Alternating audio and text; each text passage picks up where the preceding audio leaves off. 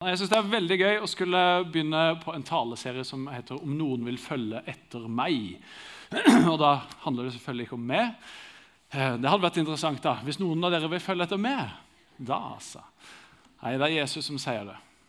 Om noen vil følge etter han. Så Vi skal ha en taleserie nå over fire søndager om uh, å følge etter han. Og Nå er det fastetid, tida fram mot påske. Og det Fastetida er en forberedelsestid på påske der Jesus gjorde akkurat det vi sang om han døde på korset. Han sto opp igjen, og han gikk en vei mot korset. Han gikk lidelsens vei. Å Faste det handler om å gi avkall på noe for å vinne et større gode. Å gi avkall på noe for å vinne et større gode. Så Tradisjonelt sett så har det vært om å faste fra kjøtt og mat ofte, men en kan faste fra skjerm f.eks kan faste fra ulike ting, noe som en legger til side, som en gir avkall på for en periode. Og Det er ikke for å pine seg sjøl eller plage seg sjøl eller være kjip med seg sjøl, men det er først og fremst for å vinne et større gode. For å rette blikket sitt mot noe som er viktigere, som er bedre. Først og fremst Gud. Og Det passer fint synes jeg, med denne taleserien om noen vil følge etter meg. Og det var sånn, når Jesus gikk rundt, da, så gjorde han masse tegn og under. Han gjorde folk friske. Han metta masse mennesker med bare bitte grann mat. Eh, han gjorde vann om til vin. Altså, han gjorde mange under. Og Det gjorde at veldig mange ble liksom fans av Jesus. Oi, nå er han der! Vi må reise dit. Nå er Jesus her. Han vil sikkert finne på noe gøy. Gjøre noe spektakulært. Han vil gjøre meg frisk, eller Ikke sant? Og så ble han en sånn der, uh, superstjerne som som mange ble en fan av, en tilhenger av. Og så På et eller annet punkt så begynner Jesus å ikke bare på en måte gi folket det de vil ha, men han begynner å utfordre. Han begynner å si ting som er litt vanskelig, og som er litt krevende å høre og krevende å følge.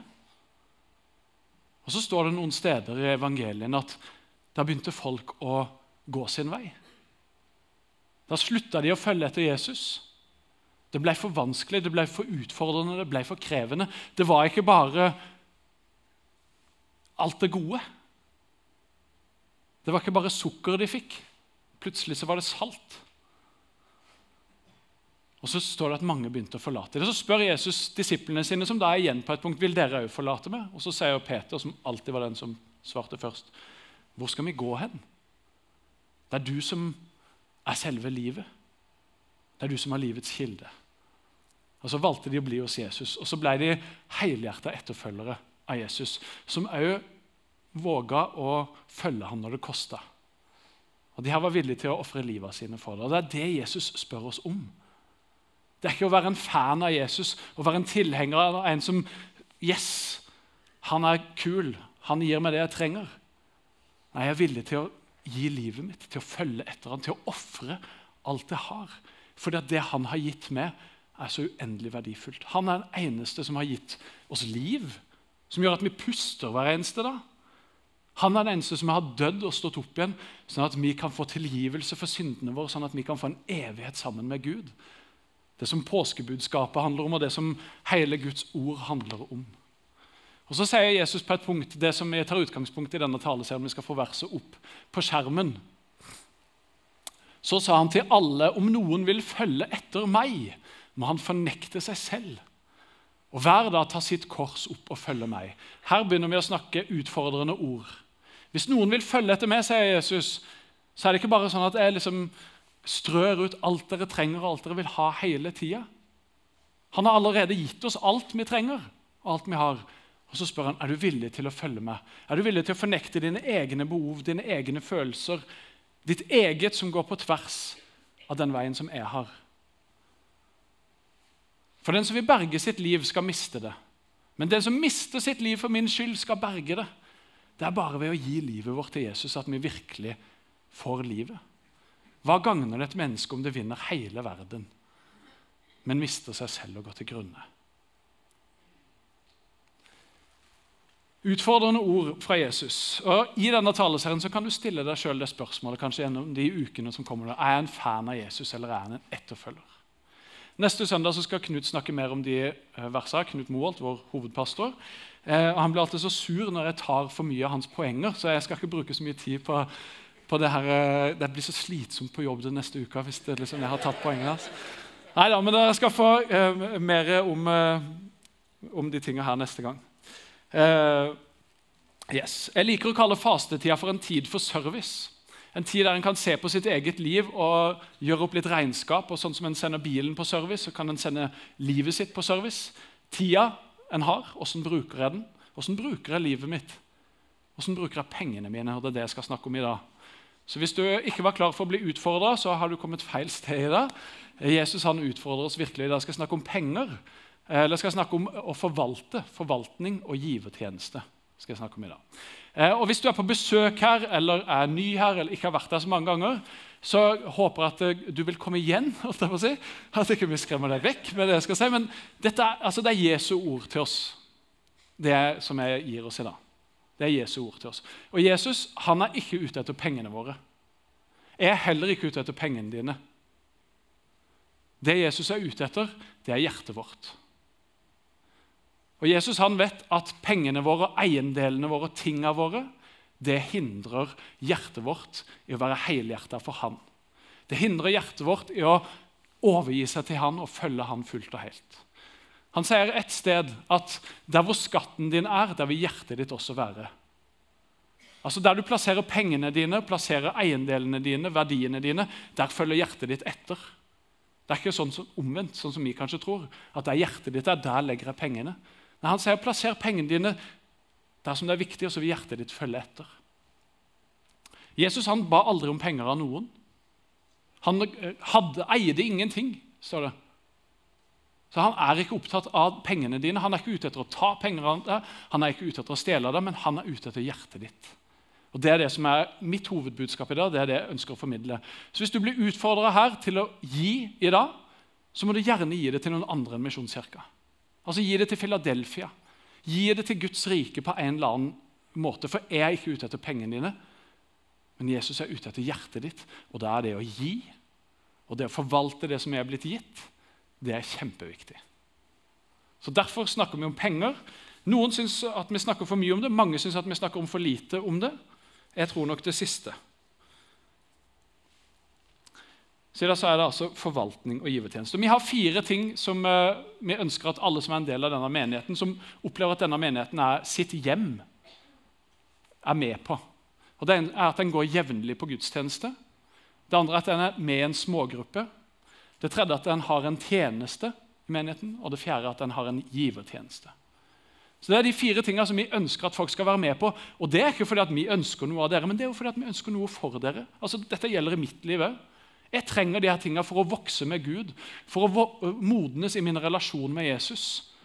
Så trenger jeg å være jevnlig på gudstjeneste og høre Guds ord og være i fellesskap med andre kristne. Jeg trenger å være del av en smågruppe der jeg kan bli bedt for, der jeg kan stille spørsmål, der vi kan utfordre hverandre. Og vokse i tro ved å lese Guds ord sammen og fundere over hva står her, kjempe sammen med troa og ha omsorg for hverandre.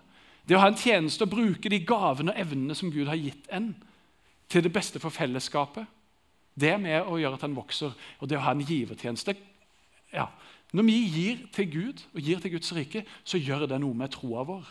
Hvem er det som vi stoler på? Er det økonomien vår? Er det velstanden vår? Er det materialismen vår? Er det eiendelene våre? Eller er det Gud? Trond Vegard leste innledningsvis, og det verset har jeg tenkt på underveis uten å nødvendigvis bruke det helt. Vi har ikke snakka sammen, men om å søke først Guds rike. Vi kan stille oss sjøl spørsmålet pengene mine, søker jeg først Guds rike med pengene mine. Den dagen jeg får penger inn på konto, går det da Det første som skjer, er at det går noen penger ut av den kontoen inn i Guds rike. Det er det det verset betyr når det gjelder penger. Søk først Guds rike. Når jeg får noen penger, så gir jeg inn. Jeg har hørt et veldig godt prinsipp som en eh, pastor lærte barna sine fra de var små. Jeg skulle ønske jeg hadde stjålet det tidligere. Han hadde tre glass på rommet sitt. Så sto det 'Gi, spar, lev'. Så han sa når du får penger til bursdag av bestemor, så legger du 10% i den det glasset som heter 'gi bort'. Så legger du 10% i det glasset som heter 'spar', og så lever du på resten. har du 80% å leve for. Og Det er et så enkelt og godt prinsipp. Det er overbevist om at de fleste av oss hadde hatt det bedre og mer romslig økonomisk enn det vi har. Hvis dere er sånn som meg, så bruker dere opp alt som finnes på kontoen hver eneste måned. Og så er det i null hver gang. Hvis dere ikke har begynt med å gi vekk penger i starten og sette vekk noe til sparing, så har jeg ingenting igjen når måneden er omme uansett. Så Derfor må jeg gi vekk og spare veldig dårlig på å spare. forresten. Det er mitt svakeste punkt. Men vi gjør det med en gang. For Hvis en tenker at jeg ser hva som er igjen til slutt i måneden, da er det jo ingenting igjen. Ikke sant? Søk først Guds rike. Søk Gud med pengene dine, og gi til Han først. Og igjen, Han er ikke ute etter pengene dine, han er ute etter hjertet ditt. Når Jesus utfordrer oss om helhjertet etterfølgelse, så er det fordi han er opptatt av vårt hjerte. Han sier så mye om penger, om eiendeler, om materialisme i sitt ord. Bare les og se sjøl. Det er masse bibeltekster jeg kunne ha brukt. Og jeg har kjempa helt fram til i stad med hvilken tekst jeg skal bruke. Eh, men jeg skal bruke en eh, lignelse fra Matteus 25 som heter 'Lignelsen om talentene'. Eh, og Talenter det er jo vi kjent med som noe, en evne som du har, noe du er født til å være god til. på en måte. Og Det har sitt utgangspunkt i denne eh, lignelsen. Men sitt, altså, talenter det var egentlig en vektenhet, og det de snakker om her, det er penger. Hvis du har med deg Bibelen, så kan du slå opp i Matteus 25. Det som er da med Matteus kapittel 24 og 25, det er at det er helt mot slutten av Jesus sitt liv. Eh, og Han begynner å snakke om når han skal komme igjen. Så Han snakker om eh, brudepiker som har olje på lampene og er klare når han kommer. Eh, og Han snakker om forskjellige ting, om dommen som skal komme. Og så kommer denne lignelsen om talentene. Og Den er sånn som følger. Det er som en mann som skulle dra utenlands. Han kalte til seg tjenerne sine og overlot de alt han eide. En ga han fem talenter, en annen to, og en tredje én talent.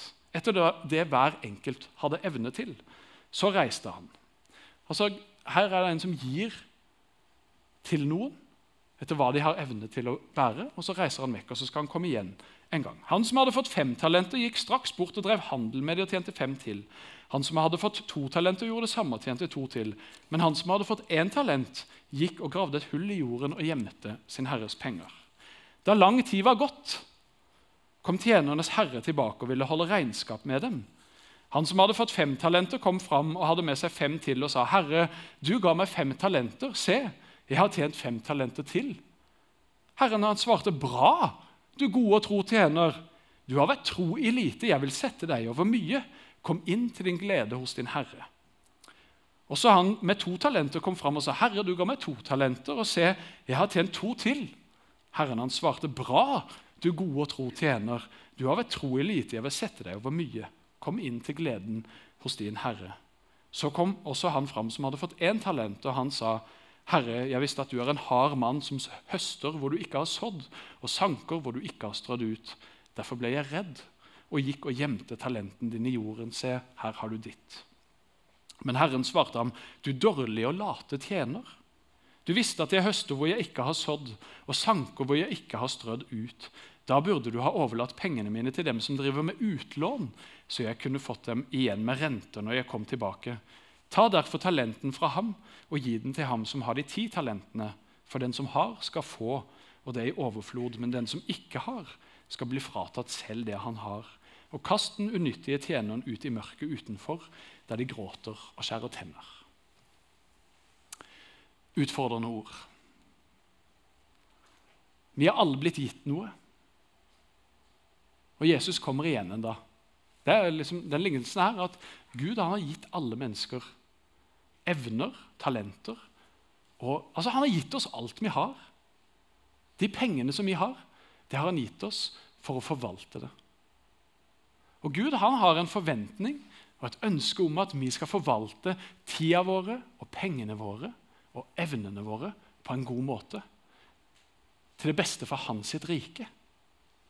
Sånn at når han kommer igjen, så har det blitt mer enn det det var. Det har blitt avkastning. Og da er det ikke snakk om penger lenger. For det eneste som vi får med oss inn i evigheten, det er mennesker. Og Jesus han er igjen, han er ikke opptatt av pengene våre, men han er opptatt av hjertene våre. Han er opptatt av hjertene til alle mennesker. Og vi kan bruke det som vi er blitt gitt, av våre gaver, av våre talenter, av vår tid og våre penger, på å vinne mennesker for Jesus. Bruke pengene våre inn i Guds rike, sånn at når Han kommer igjen, så har det gitt avkastning, og så er det mennesker som kommer med.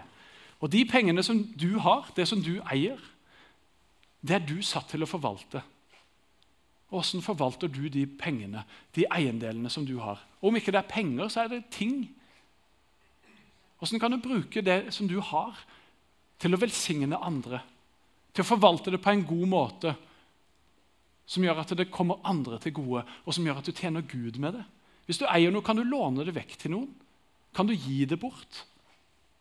Kan du dele med andre av det du har, på et vis?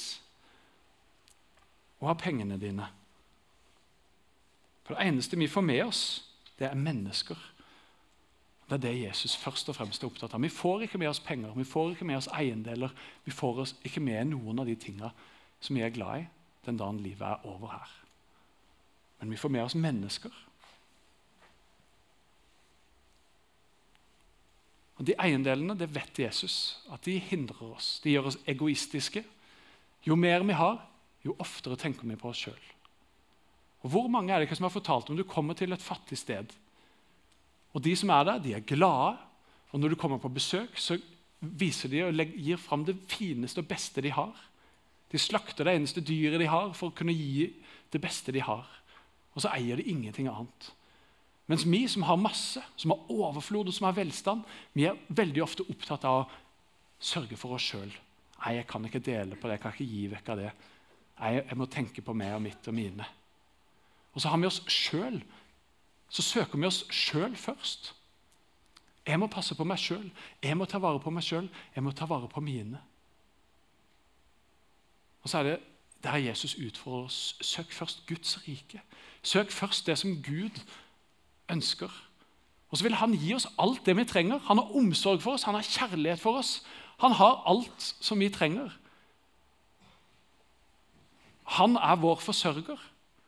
Jeg er overbevist om at når vi våger å stole på Han med pengene våre, med materialismen vår, med eiendelene våre Når vi våger å søke Han først, så velsigner Han oss.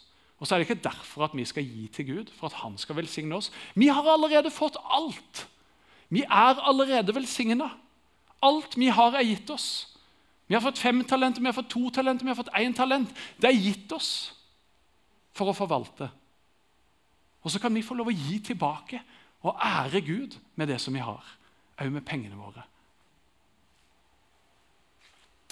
Nå skal jeg si litt mer om givertjeneste. Barbro, kan ikke du komme fram? For I menigheten så har vi da noe som kalles en givertjeneste. Vi ser at vi ønsker at alle skal ha en givertjeneste. Det henger en mikrofon der som du kan ta med deg. Barbro hun sitter i lederskapet i menigheten vår, og hun delte en liten kort historie om, om givertjeneste eh, i lederskapet for litt siden. Og så spurte Barbro kan du tenke deg å si det som du delte da. Og så sa hun ja. Du dro litt på det, da. Ja. ja. Det er jo ganske flaut å stå her og dele. Eh, det er ikke sånn at jeg står her og kjenner at det, det, er lett.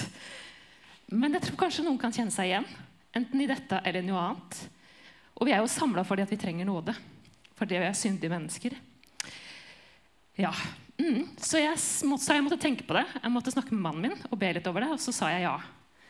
Eh, og det var vel kanskje fordi at jeg tror kanskje Gud ville at jeg skulle dele. Ikke fordi jeg har så veldig lyst. ja. Vi gir til menigheten fast, jeg og mannen min. Det ønsker vi fordi vi ønsker å være med og bidra her. Og det gjør jeg jo med glede. Men så er jeg menneske. Og så er det jo sånn at vi har vært i en periode hvor inntekten gikk noe ned. Og så kanskje har vi ikke justert forbruket vårt godt nok i forhold til det. Og 14. Eh, januar Jeg har en sånn bok som jeg skriver i på møtene for å liksom huske ting. Men jeg måtte gå tilbake og sjekke datoen. Men 14. januar, da var det en søndagsmorgen som jeg hadde sittet litt sånn og kikka på økonomi. Eh, og så Ja, desember og januar. Jeg vet ikke om noen andre kjenner på det, men det kan av og til være mange ting de månedene. Og jeg endte opp med å sette eh, trekket til kirka på stopp. Ikke fordi jeg skulle liksom slette det, jeg tenker ikke gå og forklare det, men, men jeg satte det på stopp. Eh, og Og Dag Frode dro tidlig til kirka. Og jeg satte meg i badekaret og begynte å be litt. og Det er sånn godt sted. Kan anbefale badekaret til sånn lovsang og bønn og høre på ting. og sånn. Men du kan også bli utfordra. Og det, det blei jo jeg. For vi har hatt en litt sånn eh, Mannen min begynte tidlig i januar å nevne det med å be over at Gud må vise oss synd i livet vårt. Og så satt jeg og ba. Og da var det dette med givertjeneste og penger og økonomi som Gud veldig tydelig utfordra meg på. Eh, så det første som skjedde var at Jeg måtte rett og slett bare reise meg opp på badekaret og gå til telefonen og aktivere den betalinga til kirka. Gi til Gud først. Eh, det var mange ting som skulle betales. Jeg hadde vel en tanke om at liksom jeg måtte bare liksom sortere det litt. Og, men, eh, men jeg, liksom, jeg, kjente at jeg måtte bare opp av det badekaret. Og På vei tilbake i badekaret igjen så var det ikke nok med det. Men da var det jo punkt nummer to, så fikk jeg tydelig for meg at du må, du må gå gjennom økonomien på nytt. Du kan gi mer. Og så kom det tredje punktet, hvor jeg begynte å, i det jeg ba, at Gud tok meg liksom tilbake til barndommen. Og minna meg om hvordan jeg hver søndag eh, fikk en tikroning som jeg gikk til søndagsskolen med og lærte å gi. Og hvordan kanskje de prinsippene du nevnte, det med å på en måte gi og det å spare og det å leve, det ble veldig tydelig. Og så kjente jeg liksom Ok, hvorfor Gud viser du meg dette? Og så hører jeg alltid Du skal alltid gi. Og så tok han meg tilbake til noen møter i høst hvor jeg ikke ga når det var, eh, når det var eh, kollekt. Vi ga givertjenesten vår til kirka, men jeg tenkte at nå kanskje eh, skulle jeg la være å gi på kollekten, for vi hadde gitt sånn og vi hadde gitt sånn. og vi hadde kanskje delt noe med den, eller så var det rasteplassen, eller så var det ditt. Så unnskyldte jeg meg overfor Gud og lot være å gi kollekt. Og så var liksom beskjeden fra han til meg det var du skal alltid gi.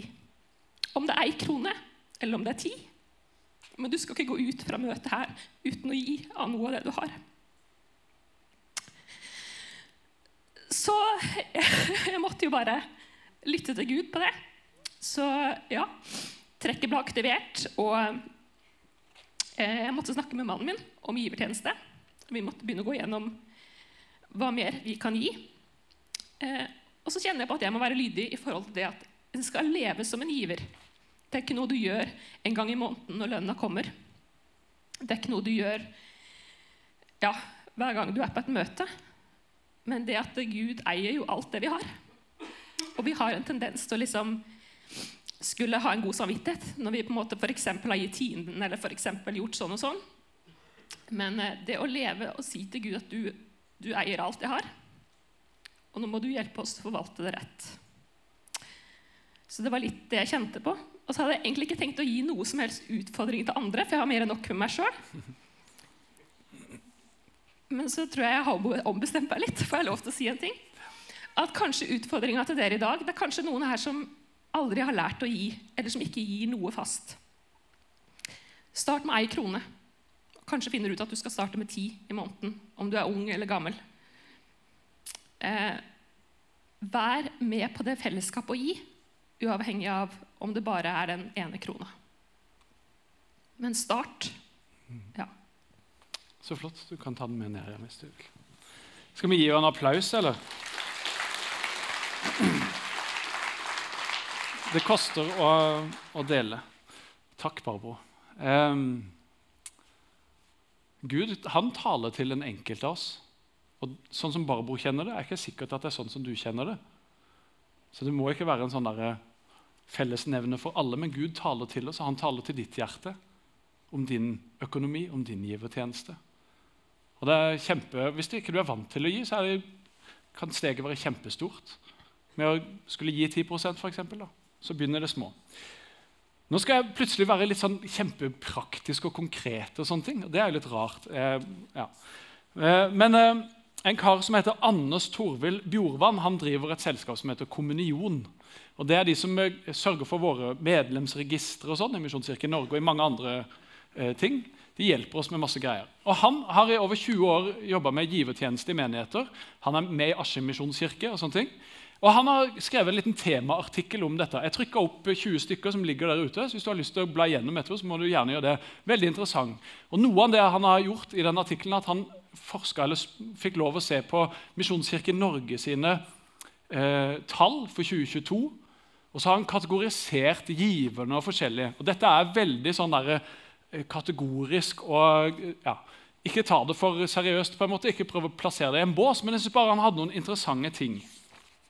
Vi kan bla videre, for Han, han har lista opp fem type, altså givertyper.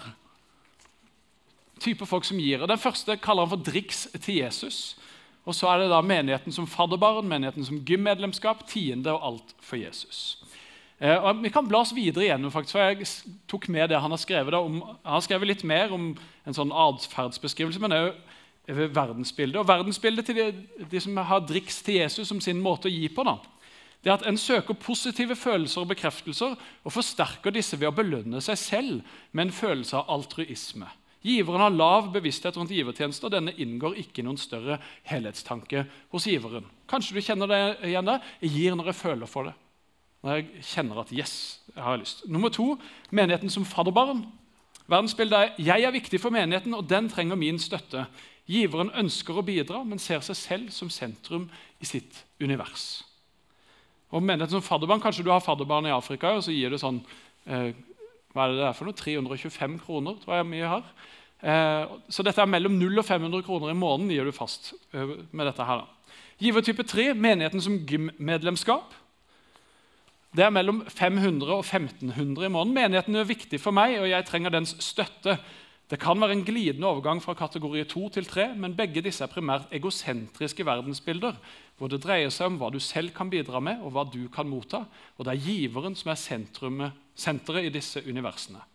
På mange måter kan man si at pengene ikke gis bort, men byttes inn i godfølelse, opplevelser og forskjellige former for emosjonelt eierskap til formål og prosjekter som det gis til. Den er interessant.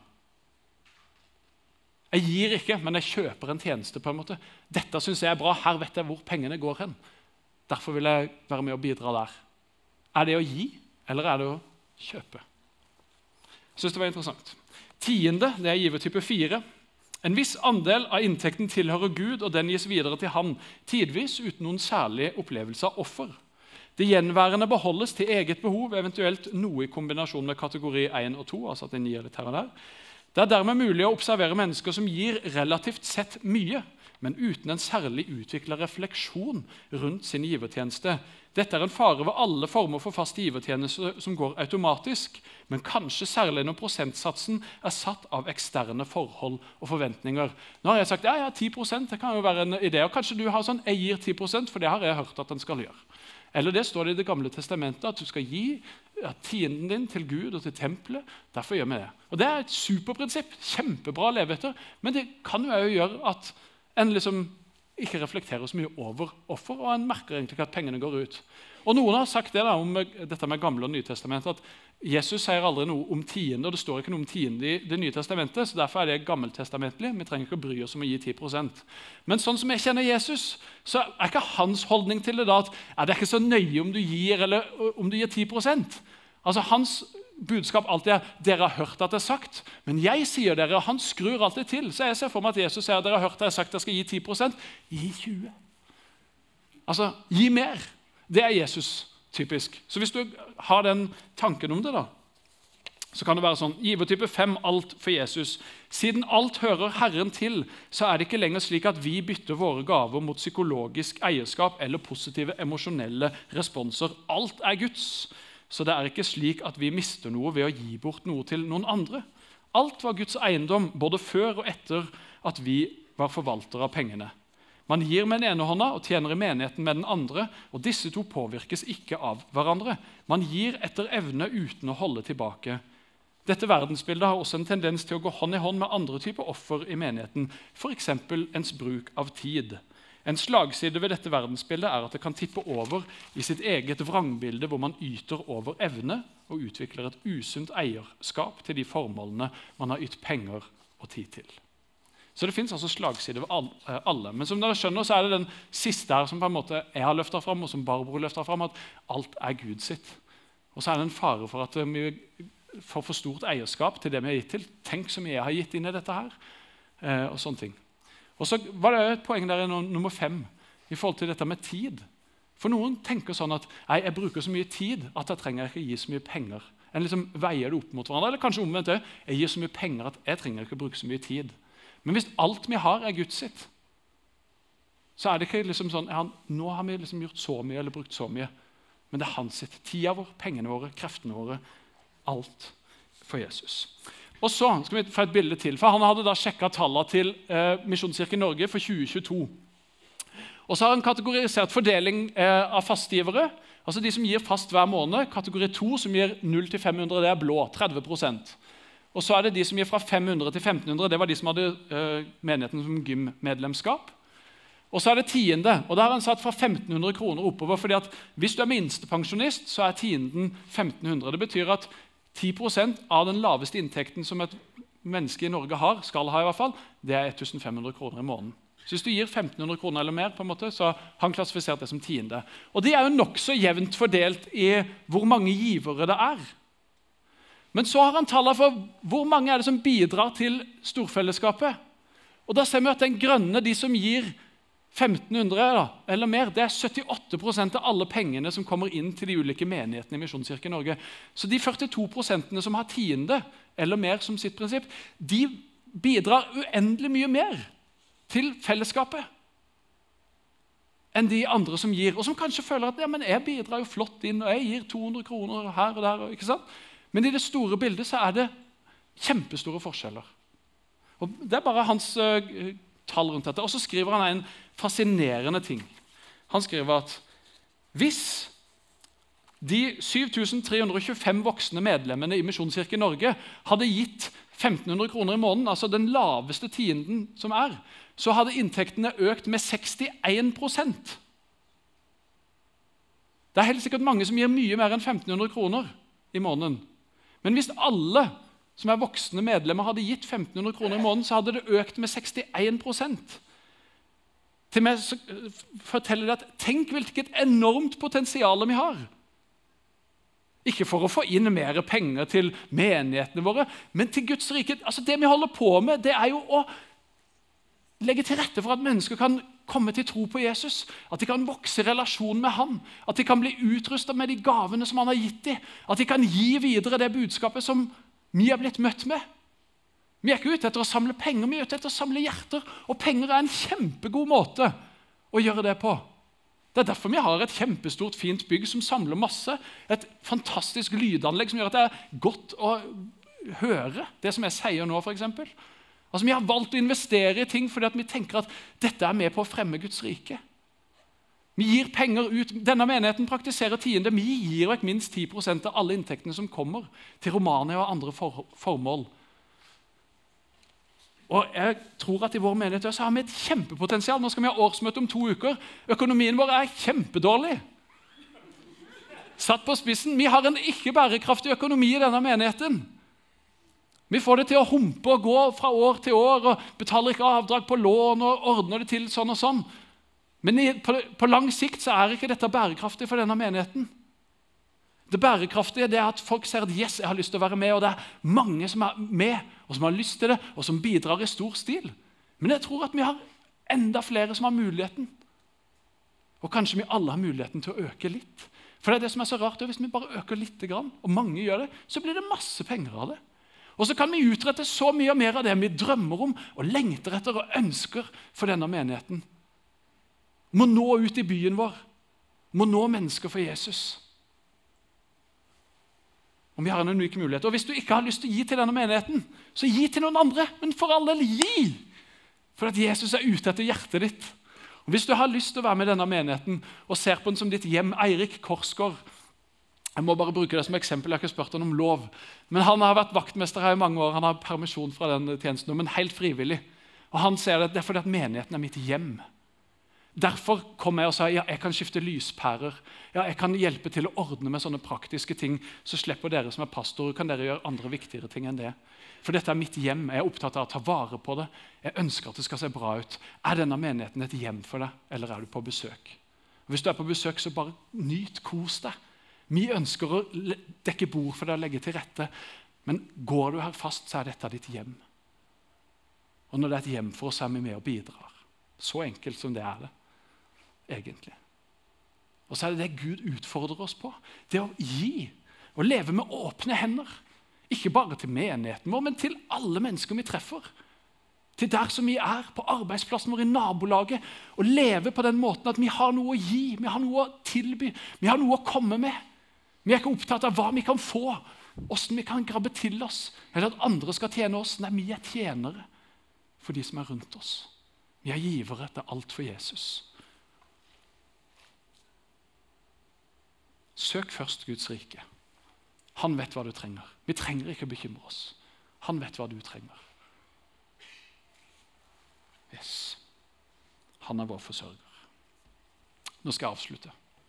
Og Du skal få med deg noen uh, utfordringer i form av noen spørsmål. Jeg vil at du, du må gjerne ta bilde av dem med mobilen din. Du må gjerne ta med deg de spørsmålene her inn i den uka som er, inn i de ukene som kommer, fram mot uh, påsken. Det første jeg vil du skal stille deg, Er du en fan av Jesus eller er du en etterfølger av ham? Hvordan påvirker det livet ditt? Og De andre punktene er gå på økonomi. da. Hvordan forvalter du pengene dine? Trenger du å gjøre sånn som Barbro sa? At oi, forbruket vårt har ikke gått ned selv om alt annet har steget. Hvor henter en inn pengene? Man roer ned forbruket vårt? Hvordan forvalter du pengene dine? Still spørsmål til deg sjøl. Har du en fast givertjeneste? Det er ganske enkelt å svare ja eller nei på. Og hvor mange prosent av inntekten din gir du vekk? Gå gjennom eh, kontoutskriften. Se hvor mange penger kom inn, hvor mye penger har jeg gitt vekk. Jeg tror mange av oss går rundt med en sånn tanke om at jeg gir mye, liksom, jeg gir så mye, men det er ikke sikkert at det stemmer. Noen ganger så må vi ta en raincheck og se. Jeg hørte noen sa det at i, i, forbindelse med at der hjertet ditt er, eller der skatten din er, der vil hjertet ditt også være hvis du vil vite hvor mitt hjerte er hen, så se på kontoutskriften min. Ok? Ikke se i Bibelen min. Ikke lytt til forkynnelsen min eller se på en måte på gavene som Gud har utrusta med, eller i ditt liv. Men der hjertet mitt er, der følger kontoutskriften etter. Jeg burde ha skrevet ut kontoutskriften min og gitt den til dere. Men ta med deg de spørsmåla her og Still dem til deg sjøl og gå med dem til Gud. Og si 'Her er jeg. Her er pengene mine. Her er livet mitt.' Og så gå noen steg. Voks med Gud. Modnes med Han. Han utfordrer oss til helhjerta etterfølgelse av Han. At det er selve livet. Han er selve livet. Han vet hva som er best for oss. Han har omsorg for oss, han har kjærlighet for oss. Han er vår forsørger. Det koster, det krever noe, men det er verdt det å overgi seg i Guds hender. Skal vi be. Herre Jesus, jeg takker deg for at du var villig til å betale prisen for våre liv. Takk for at du gikk i døden for oss. Takk for at du betalte den prisen. Takk for at du har gitt oss alt. Takk for at vi kan puste fordi at du har blåst livspusten i oss. Takk for at du har velsigna oss med alt det vi eier og har må du hjelpe oss å være gode forvaltere av det du har gitt oss. Herre Jesus, sånn at vi kan forvalte og bruke det inn i ditt rike. Sånn at mennesker kan komme til tro på det og vokse med det og få livet sitt forvandla fordi at du er den Gud som forvandler. Takk, Herre. Amen.